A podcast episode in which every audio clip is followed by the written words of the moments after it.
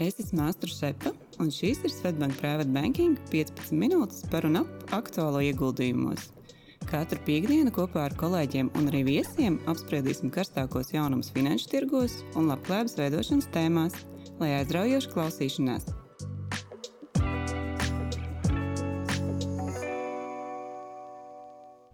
Sveiciens private banking klientiem. Šodien ļoti īpašā epizodē, jau 50. podkāstu sērijā.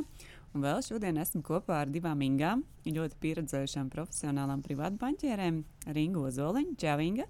Čavastra. Un Ingu Ergu Trušiņu, Čavinga. Čavastra. Un šodien mēs vēlētos pastāstīt eh, par, manuprāt, ļoti interesantu tēmu, ar ko ikdienā saskarās ik viens no mums ar patēriņu precēm un to ražotājiem un iespējām veikt ieguldījumus arī šajā jomā.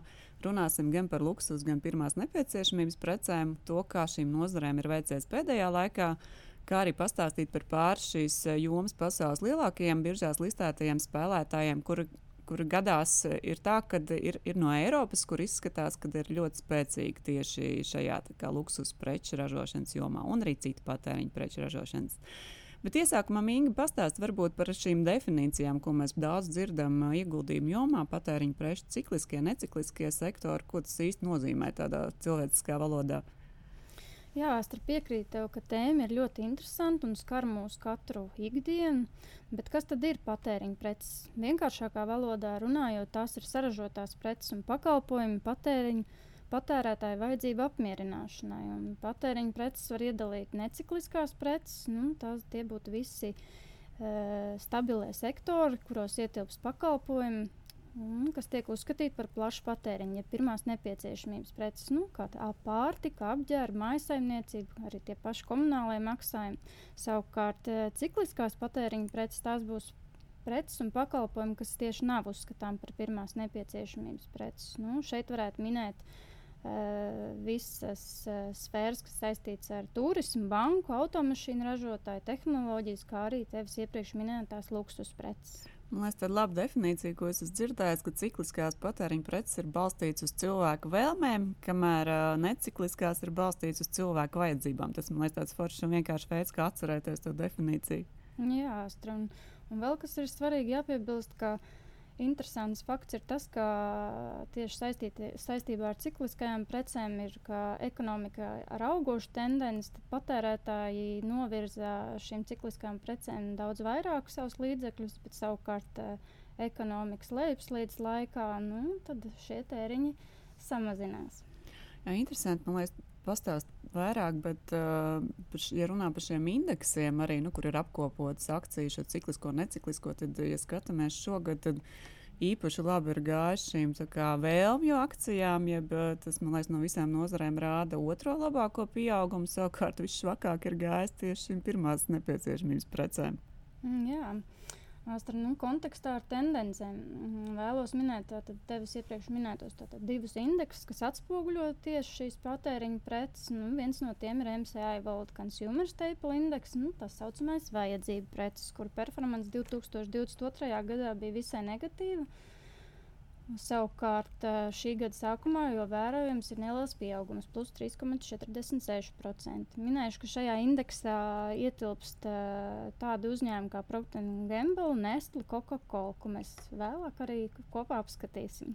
Savukārt otrs indeks, kas atspoguļo preču patēriņu, kas nav saistīts ar pirmās prec, nepieciešamības precēm, ir MCI World Consumer Discretionary Index, nu, tas vēlmju preces kur performance 2022. gadā ir bijusi mīnus 33%, bet no šī gada vērojams ļoti labs pieaugums, 6, plus 16%. Un šajā indeksā lielākais, uh, lielākais ieguldījums ir tādos uzņēmumos kā Amazon un Tesla. Jā, un uh, Inga iepriekš arī pieminēja indeksos ietilpstošās lielās kompānijas, uh, tādas kā Nestle, L'Oreal vai Coca-Cola. Jāsaka, ka tas var būt tāds ļoti labs veids, kā sadalīt riskus investējot.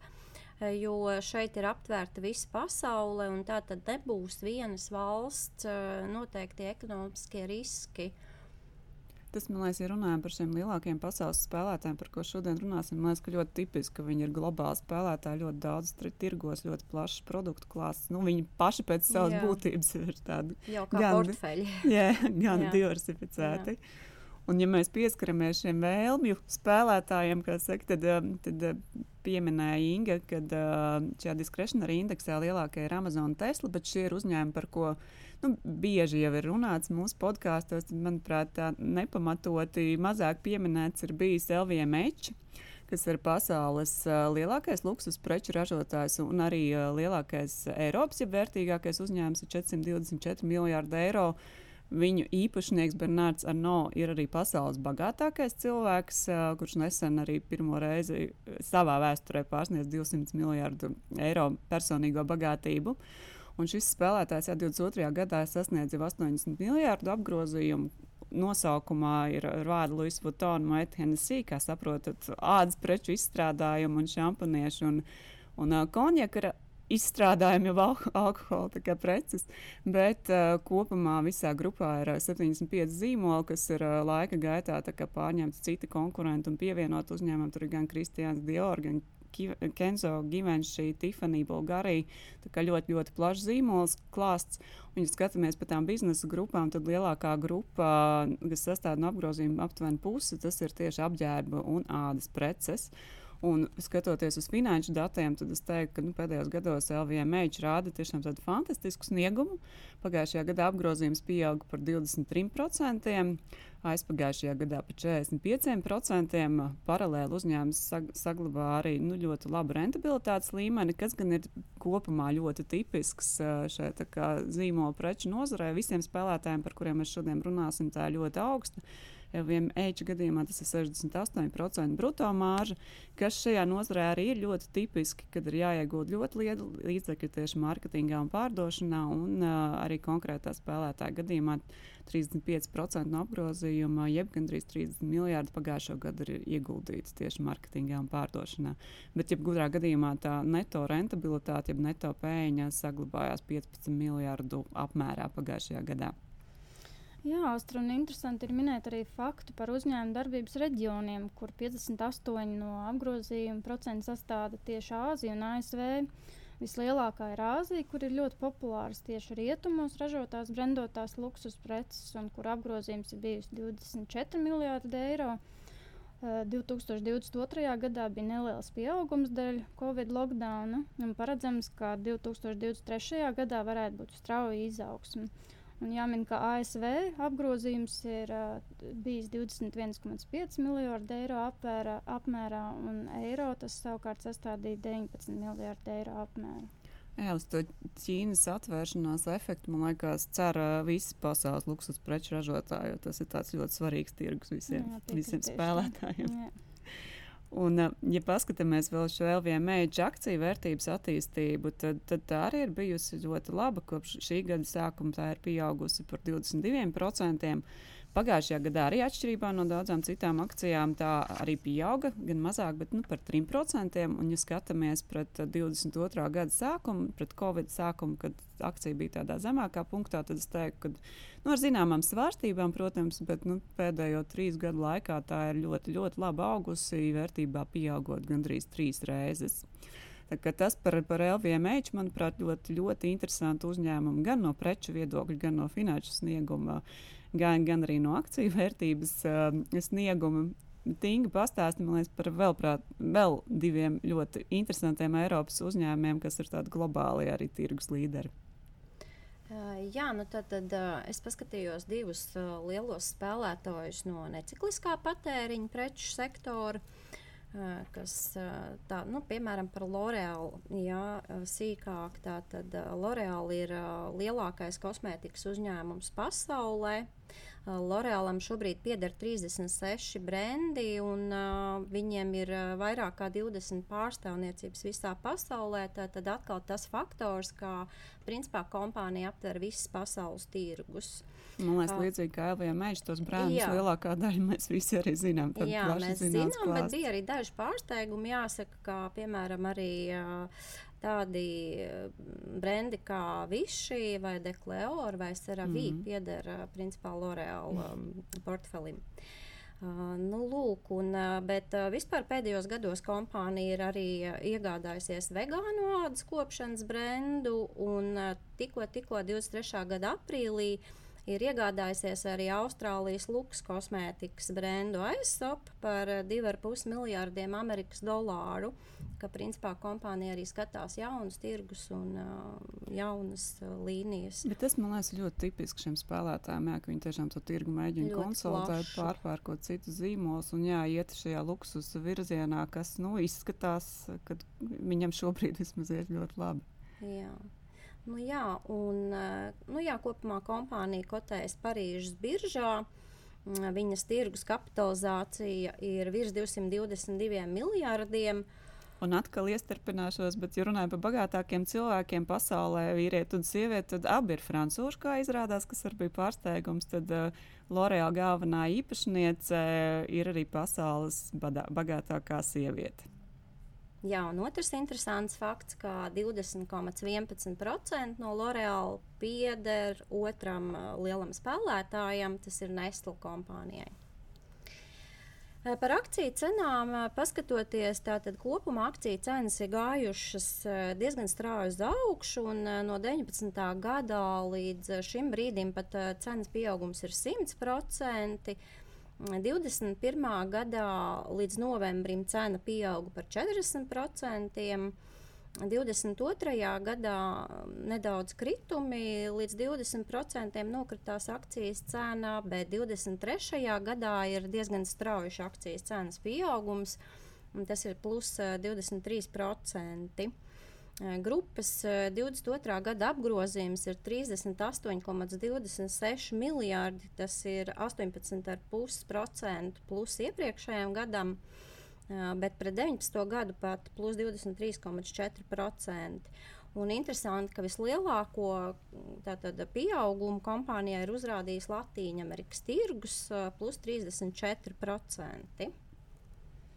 Jā, nu, vēl viens uh, liels konsumer valis, uh, par kuru šodien labprāt pastāstīsim, ir Nestlé jau iepriekš minētā. Nu, tas, tas ir Šveices uzņēmums, kas ir uzskatāms par lielāko publisko kotēto pārtiks ražošanas un pārstrādes uzņēmumu pasaulē. Kompānija ir vairāk kā 340 ražotnes, un tas darbojās 188 valstīs. Sevi definē kā visdiversificētāko pārtiks ražotāju pasaulē. Un, Uh,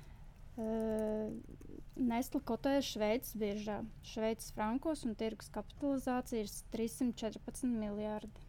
Piebildīšu arī, ka tas ir trešais vērtīgākais Eiropas uzņēmums šobrīd. Jā. Jā, un paskatoties nedaudz par Nestles akciju dinamiku, ir gājis tā, ka piecu gadu akcijas vērtība ir pieaugusi par 56% piecos gados. Uh, Ja skatāmies pēdējos gados, tad uh, 21. gadā ir plus 30% pieaugusi akcijas vērtība. Mm, 22. gadā ir bijis mīnus 16% kritums, uh, bet kopš 23. gada sākuma akcijas cenas jau ir kāpušas par 6%.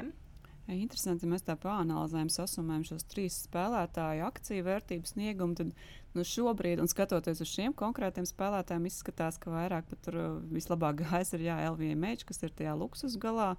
Pieaudzis reizes trīs, L'Oreal arī gājis, protams, ļoti labi. Reizes divi tā akciju vērtība pieaugusi, tad Nestle relatīvi varbūt švakāk, un arī tā palasot par par Nestlas rādītājiem pagājušajā gadā. Tur arī ir analīze par to, ka nu, izaicinājums šie, šiem pārtikas preču ražotājiem ir bijis uh, preču sadārdzinājums, ko varbūt nu, nebija tik vienkārši pārlikt uz patērētājiem. Patērētāja daļa kā, pārgāja varbūt uz lētākām precēm, mm. savukārt šo luksus preču galu tas varbūt tik daudz šo inflācijas ietekmi neiet, neietekmē tādēļ, ka uh, nu, varbūt turīgākajām privātpersonām šī ietekme no varbūt, inflācijas vai sadārdzinājuma nav tik liela uz to viņu patēriņu grozu. Nu, tā.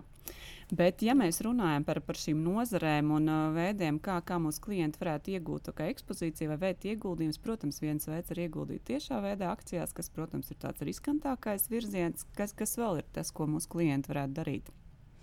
Jā, nu jāpiemina Astra to, ka diversifikācija ir viena no svarīgākajām veiksmīgu portfeļu izveidas īpašībām. Nu, tad, tad labākos portfeļus parasti veido gan ciklisku, gan neciklisku akciju kombināciju. Nu, tas arī dod nu, iespēju sekot līdz kopējām tirgus tendencēm. Nu, piemēram, Svetbanka Robūra fondos arī redzam šādu diversifikācijas sadalījumu. Nu, vēlos pieminēt tādu Svetbanka Robūra fondu kā Access Age Global, kurā ir arī tāds sadalījums, kā cikliskais, pieņemsim, 9%, savukārt eh, necikliskais sektors eh, sastāv 6,5%. Un šeit mēs arī redzam lielākos uh, uzņēmumus, kā Coca-Cola un Nestle.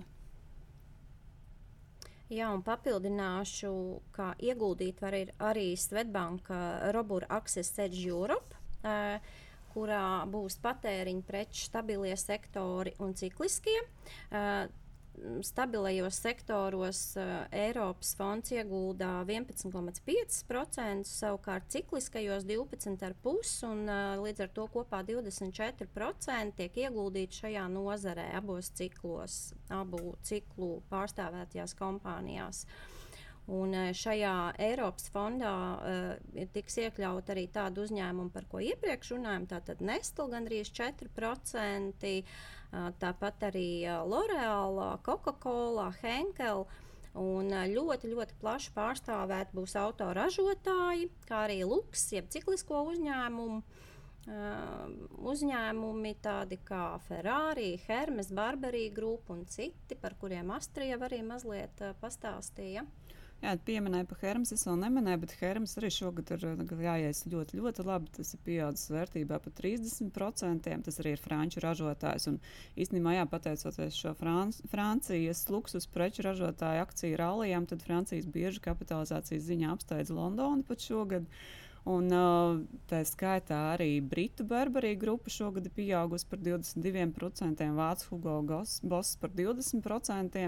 Un īstenībā arī pagājušajā gadā šiem uzņēmumiem relatīvi negāja nemaz tik slikti. Tā kā skatoties tās, tās ieguldījuma iespējas uz priekšu, gadījumā, ja kaut kādas būtu kā ekonomiskas turbulences, un tā nu pēc teorijas, kā Inga sākumā minēja, droši vien savā ziņā drošākas varbūt ir šīs pirmās nepieciešamības, jeb vajadzība preces. No otras puses, skatoties uz to, kā, kā veicās varbūt šiem luksusu, jeb vēlmu precēm, varbūt atzī, atbilde nav tik viennozīmīga, kā mēs arī minējām. Šīs luksus preces noteikti arī pozitīvi ietekmēs Ķīnas turpmākā atvēršanās un pieprasījums atjaunošanās no tās puses par to pašu Hermes arī analizējot. Tur ir minēts, ka principā, viņu produktu grupām, nu, šīm somiņām, kas maksā virs 8000 eiro, pieprasījums pārsniedz piedāvājumu. Attiecīgi uzskata, ka uh, kad uh, viņu rezultāti varētu tikai turpināt uzlaboties. Droši vien tas mūsu rekomendācija, cik mēs viņu varam sniegt, protams, ir jebkurā gadījumā diversificēt savus portfeļus, veikt ieguldījumus dažādās nozarēs. Uh, iespējams, labākais veids ir to veikt ir diversificētos fondos, kur šis nozaru klāsts un reģionu uzņēmumi arī būs gana, gana labi pārstāvēts. Teikšu paldies šodien abām Ingām par tiešām interesantu sarunu par uh, patēriņu preču ražotājiem. Paldies, Astra! Paldies klientiem, ka klausījāties un tikšanos nākamajā sarunā. Audio saturā dzirdētā informācija nav uzskatāms par ieguldījumu konsultāciju vai ieteikumu slēgt finanšu tirgus darījumus vai ieguldīt finanšu instrumentos. Paldies, ka klausījāties! Lai izdevusies diena un uz tikšanos nākamajā sarunā!